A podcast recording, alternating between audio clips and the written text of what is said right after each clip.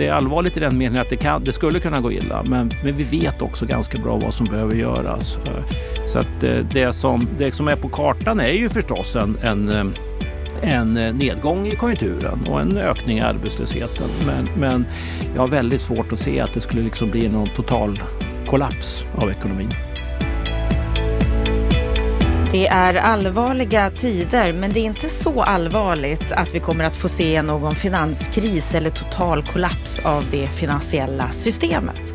Det menar John Hassler, professor i nationalekonomi som i veckans program ger oss en bra lägesbild över vart vi är och hur det finansiella systemet fungerar, att vi är mer robusta idag. Hör honom också prata om vad han tror om fastighetssektorn och klimatomställningen och hans relation till Magdalena Andersson. En relation som kommenteras av vår expertkommentator Lennart Weiss som är bekymrad över Socialdemokraternas hållning och som också ger sin syn på vart vi är idag i krisen. Varmt välkommen till Bopolpodden. Jag heter Anna Bellman, mycket glad för att du lyssnar på oss. Fortsätt gärna med det och gå gärna in på bostadspolitik.se och läs mer och anteckna dig för vårt nyhetsbrev som kommer varje fredag. Nu är det dags att lyssna på John Hassler.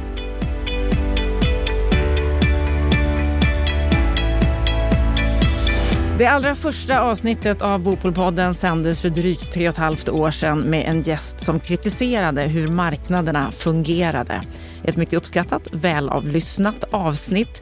Och i det här speciella ekonomiska läge, krisläge som vi befinner oss i just nu, på väg in i lågkonjunktur, ja, då är det extra roligt att vi återigen får samtala med professorn i nationalekonomi för att ta reda på läget på marknaden just nu.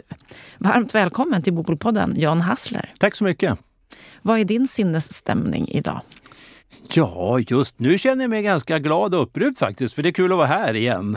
Eh, och, eh, och kul att eh, eh, det är slut på, på pandemin, i stort sett i varje fall, även om vi har lite eh, efterdyningar av den. Men sist vi träffades var ju ganska nära in på att det bröt ut, tror jag. Och, det var det. det var men det visste vi ju inte. Det visste vi inte. Nej. Det var ett knappt år innan pandemin okay. bröt ut. Mm. Ja, I april 2019. Mm. Och sen har det hänt massor mm, det det. på de här åren. Mm. Verkligen. Och det händer massor. Mm. Och därför är vi väldigt glada att du är här så att vi kan få samtala om vad som egentligen ja är i världen och hur världen ser ut. Du är professor i nationalekonomi eller makroekonomi.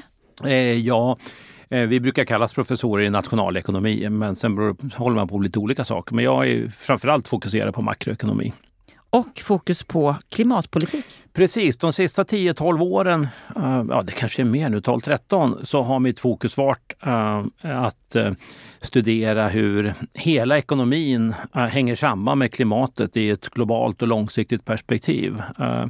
Och vi har överhuvudtaget egentligen hållit på med liksom gränsområden hela tiden. Så att jag, jag började med att, att eh, skriva om social rörlighet och långsiktig tillväxt. Eh, så det skrev jag ett antal uppsatser om.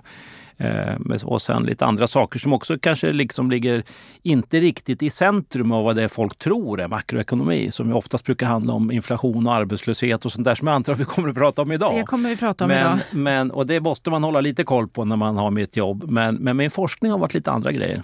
Mm, intressant. Och du är ju tung på många sätt kan man säga. Du var tidigare ordförande i Finanspolitiska rådet. Du är ledamot i Kungliga Vetenskapsakademin, Kungliga Ingenjörsvetenskapsakademin och i kommittén för Nobelpriset i ekonomi.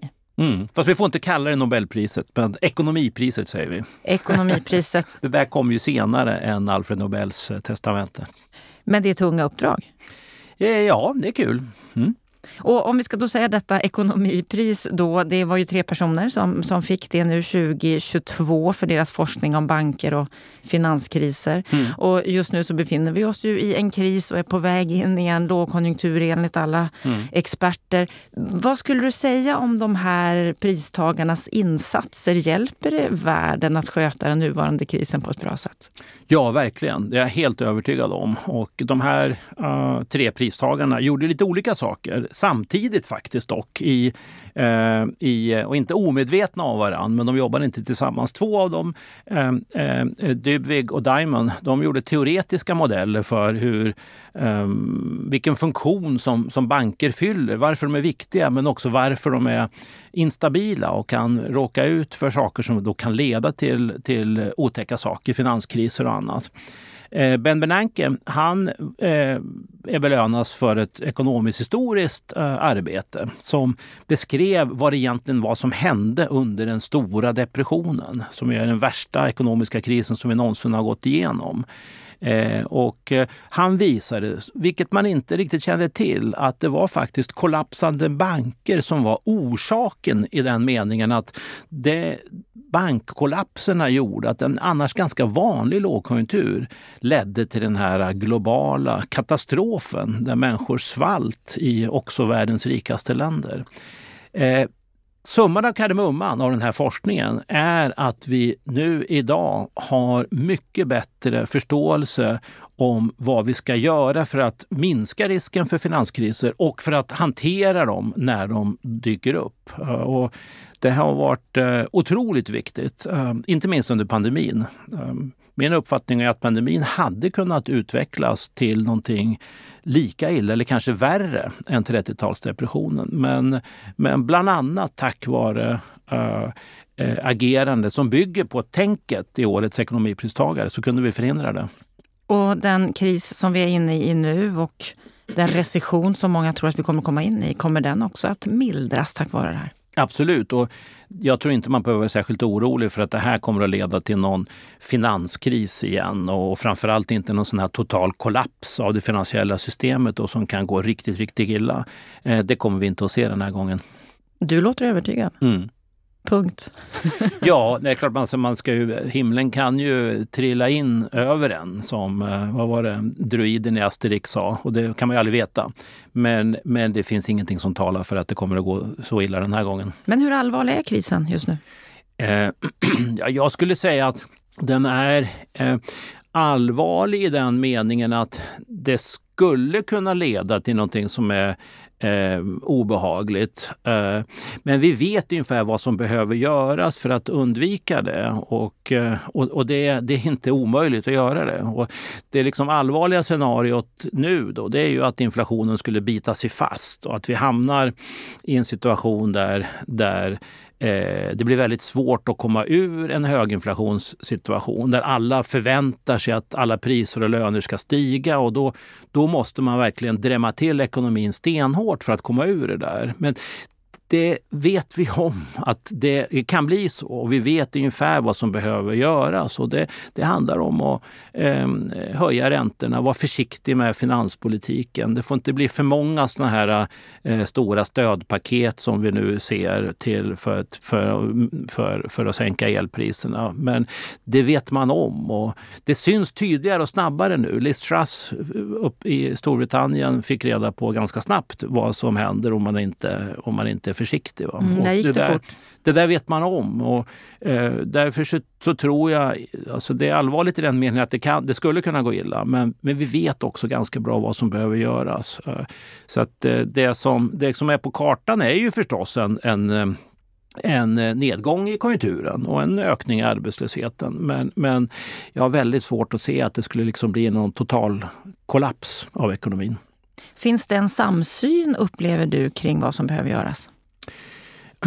Ja, i princip. Men sen är det ju som när man pratar med politiker så säger de jo men det, du har ju rätt förstås. Men det finns ju andra, andra aspekter också. Vi måste ju se till att vinna valet och det ena med det andra. Va? Och, eh, och jag, jag, är ganska säker på att eh, både eh, på, på högersidan och på vänstersidan så insåg man under valrörelsen att det var olyckligt att man tävlade i en vem som skulle kunna lova att spendera mest på att subventionera elanvändning. Men eh, eh, nu, nu är det svårt att komma ur det där och eh, det som vi ser nu är inte bra men det är heller ingen katastrof. Jag måste bara nämna en kuriosa som jag vet att du har varit ute och pratat om också. Det är ju att du har varit lärare både åt Magdalena Andersson och Anders Borg och haft konflikter med båda under din tid som ordförande i Finanspolitiska rådet. Formellt sett är jag fortfarande handledare till Anders Borg, men han har studieuppehåll. Och har, och har haft ett tag, eller? Ja, han har haft ett tag. men jag lyssnade på, på början här av Loungepodden där du var med och där, där menar du att relationen till Magdalena Andersson, den, den är stendöd. Ja, tyvärr. Alltså, jag har pratat med folk i hennes omgivning om vad man skulle kunna göra åt det, men jag har inte fått några tips som har fungerat. Ja, hon blev besviken på dig vid något tillfälle? Ja, alltså när hon tillträdde som finansminister eh, 2014, då, då kritiserade vi den eh, första utkastet till budget. Eh, det görs ju då från Harpsund eh, innan egentligen budgeten är klar. Och, eh, då, eh, då tyckte vi att den budgeten var lite för eh, eh, slapp mot slutet av mandatperioden, så från 2018. Och då sa vi att där behöver man justera lite. Och sen sa vi dessutom, och det kanske var det som jag blev arg över, att den här liknelsen med att det är tomt i ladorna är inte särskilt bra. Eh, och eh, eh jag trodde ju då i min kanske enfald och naivitet att, eh, att regeringen då skulle säga att ja, men det där med 2018, det får vi ta när det kommer. Men vi, vi, vi ska säkert eh, se till att ha lite bättre budget då, om, det, om, om, om inte det går dåligt i ekonomin. Och det här med, med tomt i ladorna, det kanske inte var den bästa metaforen. Utan eh, jag hade hoppats att hon skulle säga ungefär så här att eh, även om det inte var en bra metafor så en bättre är att båten läcker. Den håller inte på att sjunka, men det måste lagas och det är bara jag som kan göra det. Och hade hon gjort så då, då hade det varit över. Men tyvärr blev det inte så.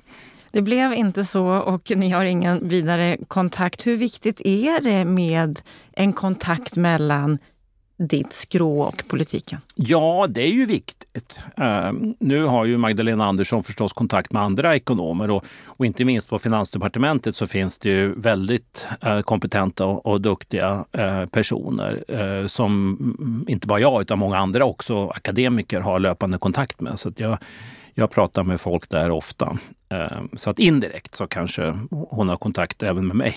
Indirekt jag ska ge några föreläsningar på Finansdepartementet ganska snart. Eh, så att, eh, men hon kommer nog inte. Ja, hon är inte där längre men och de har alldeles nyss kommit med en budget, vår regering. Mm. Vad säger du om den? Ja, den, det är ju inte så mycket i den egentligen. Det var inga nyheter och det är väl egentligen kanske bra i det här läget. Man ska inte komma med allt för mycket nytt. Sen eh, i det här läget så är det ju viktigt att vara eh, eh, inte försöka stimulera ekonomin utan försöka hålla emot lite så att inte eh, Riksbanken behöver höja räntan mer än vad som är nödvändigt. Och jag skulle vilja, vilja ha sett en lite stramare budget kanske. Jag tänker ungefär så här att...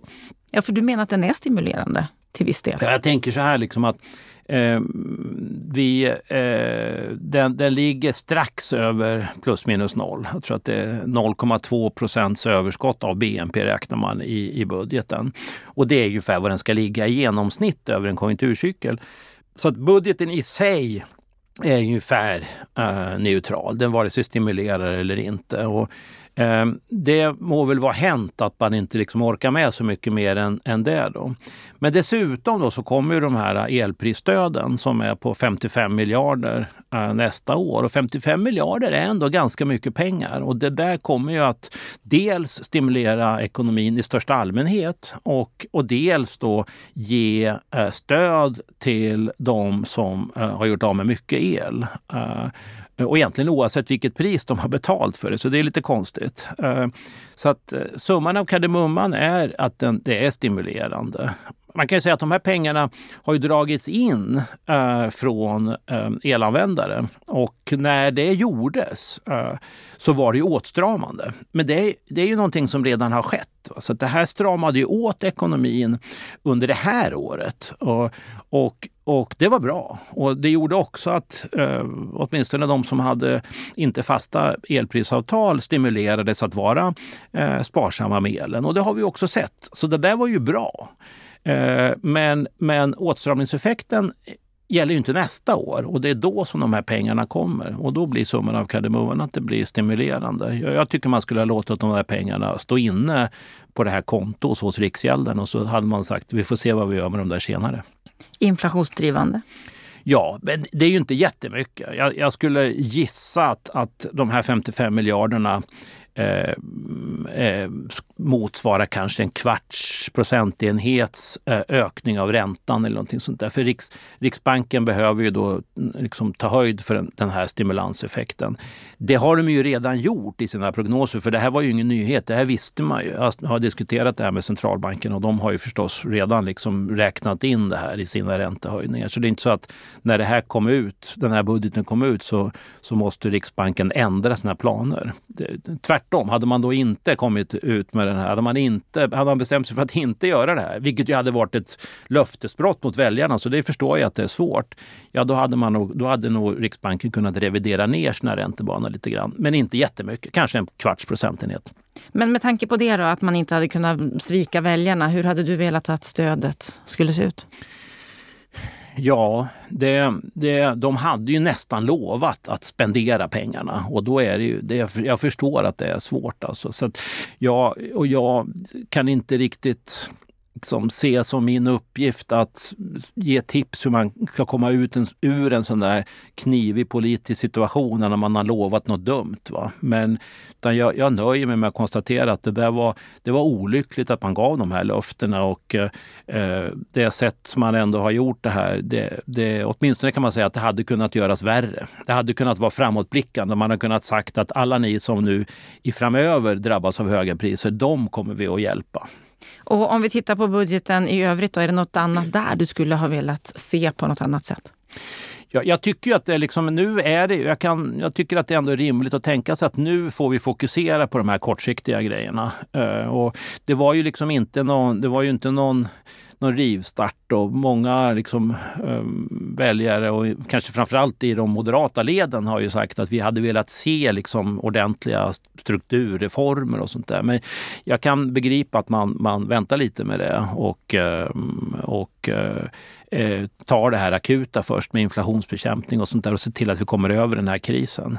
Eh, sen, sen har vi ju mycket saker att ta itu med eh, när det gäller det ekonomiska och ehm, ehm, det är ju det är delvis relaterat till, till klimatomställningen där vi måste se till att liksom, tillståndsprocesser skyndas på. Vi måste se till att det finns kompetens, att det går att bo där nya företag växer upp och allt sånt där är viktigt.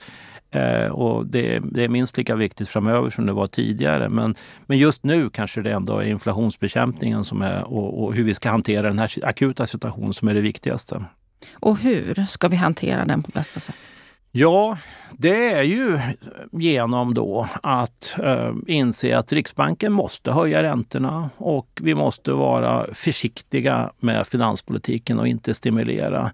Eh, och det, det finns inte så många alternativ och vi måste se till att eh, de här eh, varorna som det då, åtminstone i en europeisk kontext, är brist på, nämligen energi. Eh, att vi, vi, eh, vi eh, det måste fortsätta att löna sig och var, var, anpassa sig till den här situationen och dra ner så mycket man kan och bli mer flexibel i sin användning. Och det, det har, har vi faktiskt visat hittills att, att, att det funkar. Ehm, och, eh, och vi måste se till också att vi eh, inser att den här situationen med, med, med stor ehm, variabilitet i priserna, den kommer att finnas kvar. Vi kommer inte kunna komma tillbaks, åtminstone i närtid, under, de, under en överskådlig framtid i den här situationen där vi hade alltid låga och stabila priser på el. Det kommer vi inte tillbaks till. Och det där innebär att, att många måste anpassa sig till att vara mer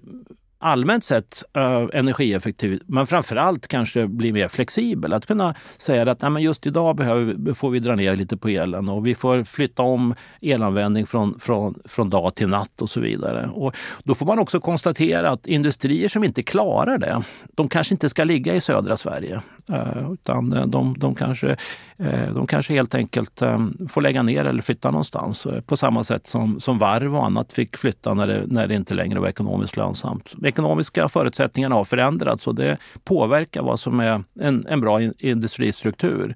Och det där tar sig uttryck i att vissa industrier och vissa företag får problem med lönsamheten. Och det är, kan vara jobbigt, men det är inte dåligt i sig. Ja, det får en påverkan på olika industrier. Det får ju påverkan på hushållen, hur de mm. agerar och väljer att spendera sina pengar. Och nu är det många som mm. är oroliga och som håller hårt i plånboken och mm. väljer att inte konsumera, vilket ju slår på vissa branscher och vissa segment. I stora hela så skulle jag ju inte säga att vi nu har problem att efterfrågan är för, Eh, är för låg. En, en normal konjunkturnedgång den brukar ofta handla om att eh, efterfrågan inte räcker till riktigt till det som då kan produceras. Nu är ju snarast motsatsen eh, ett faktum. Att, att allmänt sett är det faktiskt bra att efterfrågan faller nu. Därför att det ger, ger en bromsande effekt på inflationen. Så det behöver vi inte i grunden vara oroliga för. Sen får ju effekter på på tillgångspriser, på huspriser och så vidare. Men, men inte heller de är nog liksom i någon fundamental mening eh, de nedgångarna någonting dåligt. Utan det är, det är en anpassning till den här situationen vi är i. Eh, så att eh, allmänt sett så tror jag inte vi behöver vara oroliga för att liksom efterfrågan inte ska räcka till för det vi kan producera i det korta perspektivet. Sen skulle det bli liksom en väldigt djup nedgång, ja då kommer man ju att, eh, alltså en, så att efterfrågan faller mer än vad liksom potentialen att producera faller. Ja, då får, vi, då får vi i det läget börja stimulera och då måste Riksbanken börja tänka på att eh, sänka räntan igen. Och det kan hända, men då får vi göra det. Riksbanken de presenterade sin stabilitetsrapport i onsdags och där så uttryckte de oro för det man kallar för stora sårbarheter i det finansiella systemet. Vad säger du om det? Ja, jag tyckte det, det, det är överdrivet att, att, att säga så. Det, våra banker är, är betydligt mer liksom stabila och solida än vad de har varit tidigare. Och eh, där det finns eh, bekymmer, det är ju i fastighetssektorn. Och det är väl inte alls omöjligt att, jag är inte någon expert på det, men det är väl inte alls omöjligt att några fastighetsbolag går i konkurs. Men, eh, men att de skulle dra med sig ner alla de svenska bankerna, det kan jag inte tänka mig. Det Stefan Ingves sa då i onsdags, det var att det kommer att ta några år innan inflationen faller tillbaka och räntorna är fortfarande på väg upp. Det är det man har att förhålla sig till. Och så menade han att svenska bolånetagare de kan räkna med en rörlig boränta på mellan 4 och 5 procent de närmaste åren. Tror du att han har rätt här? Alltså, jag tror att han tar i lite, men, och det ligger väl kanske i hans, eh, åtminstone hur han uppfattar sitt, sitt jobb. Eh, men, men det är klart att vi kommer inte komma tillbaks i, i närtid till negativa styrräntor och extremt låga boräntor. Det gör vi ju inte. Eh, men, eh, men om det blir 4-5 procent under de kommande åren, det ska jag låta vara osagt. Om ett par veckor, 24 november, då kommer Riksbanken att komma med ett nytt besked om styrräntan. Vad tror du? Hur kommer de att agera då? Man kommer ju höja lite grann igen. Um, och, um, 50 punkter? 75 punkter tror vissa? Ja, någonstans där. Jag skulle väl... Um, jag måste sätta ner foten själv för jag sitter med i Dagens Industris uh, skuggdirektion och vi ska komma ut med något. Vi ska träffas på tisdag. Uh, men jag lutar väl åt att man ändå ur liksom ren inflationsbekämpningssynvinkel så tror jag att det skulle räcka med, med, med en halv procentenhet nu, 50 punkter.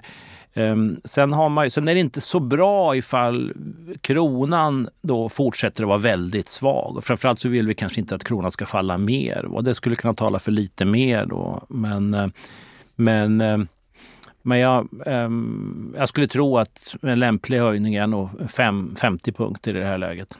Många har ju varit väldigt kritiska till hur Riksbanken har agerat, att de har varit alldeles för fokuserade på inflationen och inte brytt sig om konsekvenserna. Hur ser du på deras penningpolitik den senaste tiden? Ja, jag tycker den kritiken i stort är ogrundad. Ehm, under den, den sista tiden så har man skött sig bra. Jag, jag, tycker man kanske hade kunnat vara lite tidigare, men, men inte mycket mer än ett par månader eller ett kvartal. Vi såg egentligen inte någon tendens till inhemsk prisuppgång förrän eh, i början på det här året. Eh, utan det var, det var energipriserna. Och eh, det är klart att hade vi vetat vad som sen skulle hända med, med, med krisen eh, och kriget och så vidare, då hade det varit bra om man hade höjt, eh, börjat höja redan förra hösten. Och det är därför att effekterna av räntehöjningar, de, de är ganska, de kommer med ganska stor eftersläpning med, med kanske ett år eller 18 månaders eftersläpning. Så det hade varit bra. Men i det läget som vi var förra hösten, då hade det varit för tidigt att börja höja ordentligt, tycker jag. Eh, så att jag själv tyckte att man kunde ha börjat lite tidigare. Och man, man skulle nog kanske också eh, sagt att de här prognoserna om att man ska ligga kvar på, på nollränta länge, det är nog kanske inte så sannolikt. Men, men i, i stora hela så tycker jag inte att det har varit tokigt. Och, och man måste säga att de här, den här inflationsuppgången som vi ser nu, det är inte Riksbankens fel. Så det var, det, att, att vi nu ser hög inflation, det har inte att göra med senfärdighet hos Riksbanken och framför allt så har det inte att göra med, med de negativa räntorna och nollräntorna innan pandemin. Hur borde Riksbanken fokusera framåt? Ja, man, man, eh, jag tycker man, man gör rätt. Man, man säger att vi måste eh, höja räntorna och kyla av ekonomin. Eh, då för att visa att vi menar allvar med inflationsbekämpningen. Vi kommer inte att tillåta att inflationen eh, biter sig fast. Och det är precis vad man säger. Det, också, det tycker jag är helt rätt. Och jag tror att det är goda förutsättningar för att det så kommer att ske också. Vi har, det kanske allra viktigaste är att det inte biter sig fast i lönebildningen. Och vi har i Sverige Ehm, ansvarsfulla fackföreningar som förstår att den här höga inflationen har inte skapat mer pengar på bordet. Löneutrymmet har inte vuxit. Eh, och då inser man att även om det är jobbigt för många så, och vi måste försöka se till att eh, liksom, svaga grupper hålls eh, ehm, under armarna så, så, finns det inte mer pengar som vi kan fightas om nu. Så att jag tror att det är liksom goda chanser att det här kommer att fungera. Det är ju Vissa andra länder har ju större problem, då, men, men, men i Sverige tycker jag det sköts ganska bra. Ett område som ju har diskuterats och som vi har diskuterat i den här podden och vi pratade om det när du var här för tre och ett halvt år sedan, det är kreditrestriktionerna. Någonting som försvårar för många att ta sig in på bostadsmarknaden och nu har vi ett exceptionellt läge. Precis som du sa i början så måste vi se till att människor kan bo där det finns jobb och så vidare. Mm. Hur, hur ser du på den här frågan idag med tanke på att Finansinspektionen, Riksbanken, de vill inte röra kreditrestriktionerna just nu utan vill att de ska du vara kvar. Du tänker på amorteringsregler och, och sånt och, eh, och de här kvar att leva på kalkylerna. Exakt. Nej, min, där är ju min uppfattning definitivt fortfarande att eh, amorteringsreglerna eh, och amorteringstvånget är fel. Eh, sen kan man ju säga att eh, om man ska tajma borttagandet av en sån regel så kanske det inte är optimalt att göra det just nu. Å andra sidan så, så tror jag att det är en relativt liten grupp som omfattas av de här reglerna som faktiskt påverkas. Så att, så att inflations trycket som skulle uppstå om man tog bort dem just nu är nog ändå hanterligt. Eh, men ett, ett visst, eh, så kan man allt annat lika välja tajmingen för att ta bort de här reglerna så är det väl inte optimalt just nu. Men jag skulle ändå säga att trots det så väger argumenten för att ta bort dem över. Även nu. Även nu, för att för tre och ett halvt år sedan som sagt, då, då menade du att debatten om hushållens skuldsättning, att det var ett för snävt perspektiv ifrån myndigheternas håll. Ja, alltså Finansinspektionen säger ju själv att man är inte orolig för att eh, eh, hushållens skulder ska leda till en finanskris. Eh, och, och, och, vi vet ju att det där har inte skett tidigare heller i svensk historia. USA är en annan sak, där har man en helt annan typ av lagstiftning. Men i Sverige är man inte orolig för det. Utan man är orolig då för att Ehm, ehm, en hög skuldsättning när vi går in i en lågkonjunktur ska kunna leda till en, en nedgång i efterfrågan för folk då vill återställa sina balansräkningar och så vidare. Ehm, men det är ju inget problem nu. Nu, har vi, nu är snarast problemet att vi har, att vi har eh, då för hög efterfrågan. Så att eh, det är lite svårt att se att det där skulle vara något, något bekymmer. Och, jag menar ju att de här, den här mekanismen, alltså att hushåll som är ordentligt belånade, eh, de eh, i något större utsträckning än andra kan tänkas dra ner på sin konsumtion när vi får en konjunkturnedgång. Men det är en ganska normal del av konjunkturcyklerna som, som vi har sett att hantera med finanspolitik och penningpolitik. Så att det här, tycker man att det blir för jobbigt en sån här liksom, nedgång i efterfrågan som kommer av den här typen av mekanism, ja men då får man, då får man sänka räntan lite mer eller ha lite mer stimulans i finanspolitiken och det, det kan vi hantera. Eh, det som vi ska vara oroliga för, och det går ju tillbaks till årets ekonomipristagare, det är ju att det finansiella systemet kollapsar. Då kan det, vara, då kan det gå riktigt, riktigt illa med ekonomin. Så vi måste bygga kraftfulla skyddsvallar för att se till att, att risken för det är liten. Och om det ändå vi upplever att de inte räcker till, ja då måste Riksbanken vara beredd att gå in och även då kanske staten att gå in och ta över banker som annars skulle gå omkull.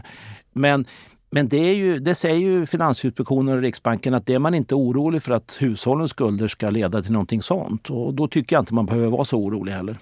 Vi får ju en ny ledning i Riksbanken här. Vid, vid årsskiftet, kommer det att förändra någonting? Nej, jag tror inte det. Jag, jag känner ju Erik Thedéen rätt väl. Vi var klasskompisar när vi gick på, på Handels för, för en massa, massa år sedan. Kanske ett skäl till valet att han och Stefan Ingves är ganska lika i sitt sätt att se på saker och ting? Ja, de, de har nog en ganska stor samsyn när det gäller de här frågorna. Åtminstone så vitt man kan förstå från hur Erik Thedéen har agerat på, eh, på Finansinspektionen. Om vi ska försöka summera och, och se framåt nu. Vi har ett läge som du menar att om vi sköter oss ordentligt då kommer vi klara oss ganska väl. Mm. Det är rätt sammanfattat. Mm. Och att vi har en stor utmaning när det gäller våra klimatmål. Ja, när det gäller klimatmålen så, så menar jag då att det vi ser som nu kommer från EU-kommissionen är en fantastiskt bra grej. Det kommer mycket ursäkta uttrycket, skit från EU-kommissionen också. Uh, uh, till exempel taxonomin tror jag är liksom helt bortkastad. Det är den här som då att man i Bryssel ska sitta och peka ut vad som är hållbart och vad som är inte hållbart. Det funkar inte. Men, men däremot så har man ju då Eh, föreslagit tre andra saker som är eh, jättebra. Det är skärpa upp och, eh, utsläppshandelssystemet. eh, införa ett nytt utsläppshandelssystem för transport och eh, uppvärmning och sen trycka ner eh, utsläppsintensiteten i nya bilar och ända ner till noll till eh, 2035. Och det här betyder att, jag menar, om de här reglerna kommer på plats, vilket det mesta pekar på nu, då kommer flygföretag som jobbar inom Europa, eh, eh, cementfabrikanter, stålfabrikanter, eh, kraftproducenter och, an, och de som gör bilar, har inte de fossilfria alternativ till 2040, då får de lägga ner verksamheten. Så det är extremt kraftfulla grejer som kommer att ta oss till klimatneutralitet. Så vi behöver inte tänka så mycket framöver på koldioxidavtryck och sånt där. Det har vi löst när det gäller EU i varje fall. Eh, så nu handlar det om att se till att få ekonomin att fungera eh, trots att vi inför de här reglerna. Och det, det tror jag vi, det, liksom, det finns goda förhoppningar om att det ska kunna funka. Och sen det viktigaste, få med oss resten av världen. Och du menar att om vi sköter oss på rätt sätt, då kan Sverige vara ett föregångsland? Ja, och där skulle jag ju vilja säga att nu är, handlar det inte så mycket om att vi ska vara några år före i, eh, i klimatneutralitet eller sådär. Det är inte det, det, viktiga. Utan nu är det viktigt att säga att nu, har, nu om de här reglerna kommer på plats, då blir EU som helhet klimatneutral i god tid innan 2050. Men det här behöver ske under ordnade former. Människor måste tycka att det här, det här är bra. Vi kan, vi kan leva, vi kan tjäna pengar, vi kan ha en bra livsstil och alltihopa. Eh, det finns jobb eh, också med de här reglerna på plats. Eh, så att, och Sverige har varit, skulle jag vilja säga, världsmästare på socialt acceptabel strukturomvandling. Det behöver vi visa igen att vi kan vara. Men, men där ligger vi lite grann efter. Och vad krävs för att vi ska komma dit igen?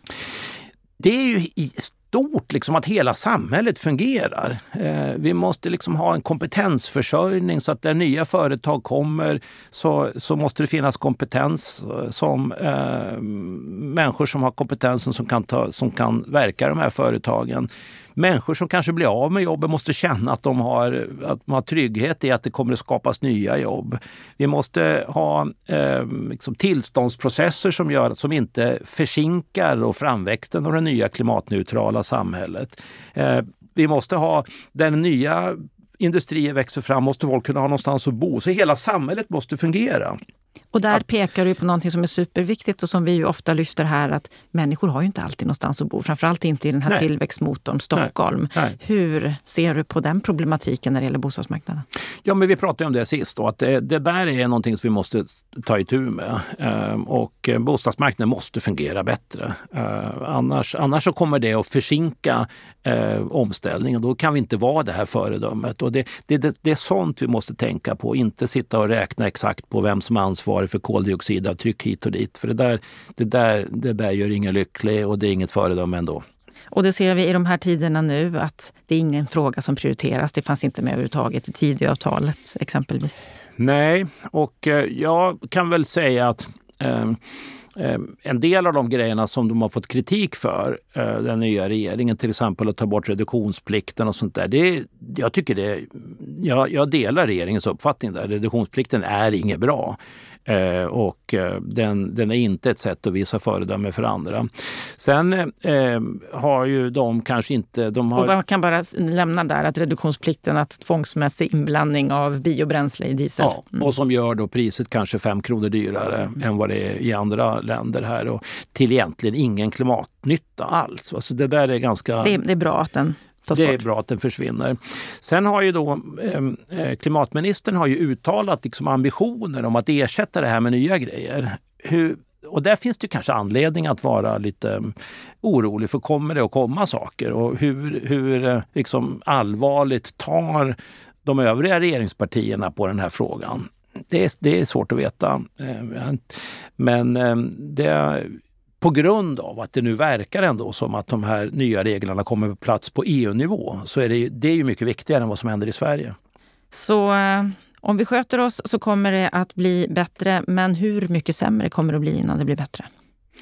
Eh, ja, det, här, det kommer ju bli en lågkonjunktur, och, eh, men att det skulle bli någonting liksom i stil med pandemin eller, eller även för den delen finanskrisen, det har jag väldigt svårt att se.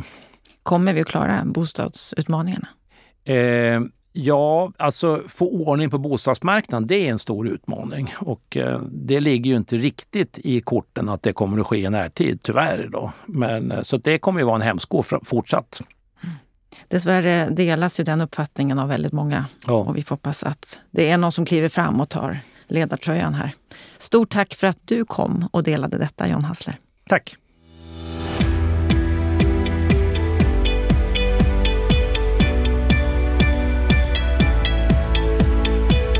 Ja, då har vi hört samtalet med eh, John Hassler. Lennart Weiss, vad, vad, vad, tänker du när du hör det här samtalet? Ja, jag fnissar ju eh, faktiskt lite när ni, när, när ni passerade den här lilla passagen kring Magdalena Andersson. Jag säger bara till John, välkommen i klubben. Jag har varit där ganska länge och eh, jag har en ganska sen referens till den här typen av Eh, Eh, bunkerbeteende. Det var ju när jag på, på en, i en ledare på bostadspolitik.se kritiserade finansutskottets helt menlösa utfrågningar och ställde tre öppna frågor till den socialdemokratiska ordföranden som ju återkom per mejl via sin sakkunnige och sa att de hade verkligen inga ambitioner att svara i en sån här kanal. Då publicerade vi istället den här artikeln på, på, i Folkbladet Östgöten då svarade hon, varpå jag gav ett nålstick igen. Men så här funkar det. Om du liksom eh, säger fel sak till etablerade personer inom det socialdemokratiska partiet, då stängs dörrar, då slutar man ringa. Jag tycker att det är ett oerhört ovärdigt beteende och att det drabbar till och med en sån supertungviktare som John Hassler är ju mycket anmärkningsvärt. Men jag tycker att det är ett ganska tydligt tecken på en felaktig kultur som eh, partiet själv borde ta itu med. Men ty tyvärr funkar det delvis så här i andra partier också. Men det här är verkligen ingenting som jag är glad över att höra när det gäller mitt eget parti. Det är verkligen rakt på tvärs med våra värderingar. Slut om den saken. Slut om den saken och någonting som ju faktiskt är bekymmersamt när det gäller vår demokrati, där man ju tycker att det borde finnas en annan hållning det, det, är pinsamt. De här människorna borde ha så pass mycket självkänsla och förståelse för sitt uppdrag att de inte ska bete sig på det ovärdiga sättet. Det sänker ju liksom ens förtroendekapital för Magdalena Andersson att höra att det går till på det sättet. Om vi då ska gå vidare och eh, kommentera det vi ju till största delen pratade om i det här programmet, nämligen är det så att vi är på väg in i en riktigt rejäl stor kris? Och det tror ju inte John Hassler. Han var ganska optimistisk här. Hur ser du på den hållningen?